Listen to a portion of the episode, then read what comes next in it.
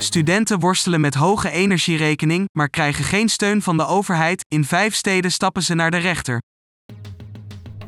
Studenten stappen in vijf gemeenten naar de rechter om recht op energietoeslag af te dwingen, zo meldt de Volkskrant.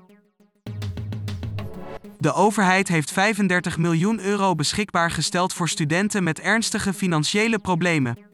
Gemeenten moeten beoordelen welke studenten in aanmerking komen voor een tegemoetkoming. Maar daarvoor hebben ze te weinig tijd, geld en mankracht, zo schreven tien gemeenten in een brandbrief aan het ministerie van Sociale Zaken en Werkgelegenheid. Inmiddels hebben meer dan duizend studenten zich gemeld voor de juridische strijd die studentenvakbond LSVB voert. Hiermee wil de organisatie druk uitoefenen op het Rijk om een beleidsverandering door te voeren. Vanwege de vele woonvormen vallen studenten buiten de eenmalige compensatieregeling van 1300 euro voor huishoudens met een laag inkomen. Ondertussen kampen ze wel met een gestegen energierekening of krijgen ze daar per 1 januari mee te maken.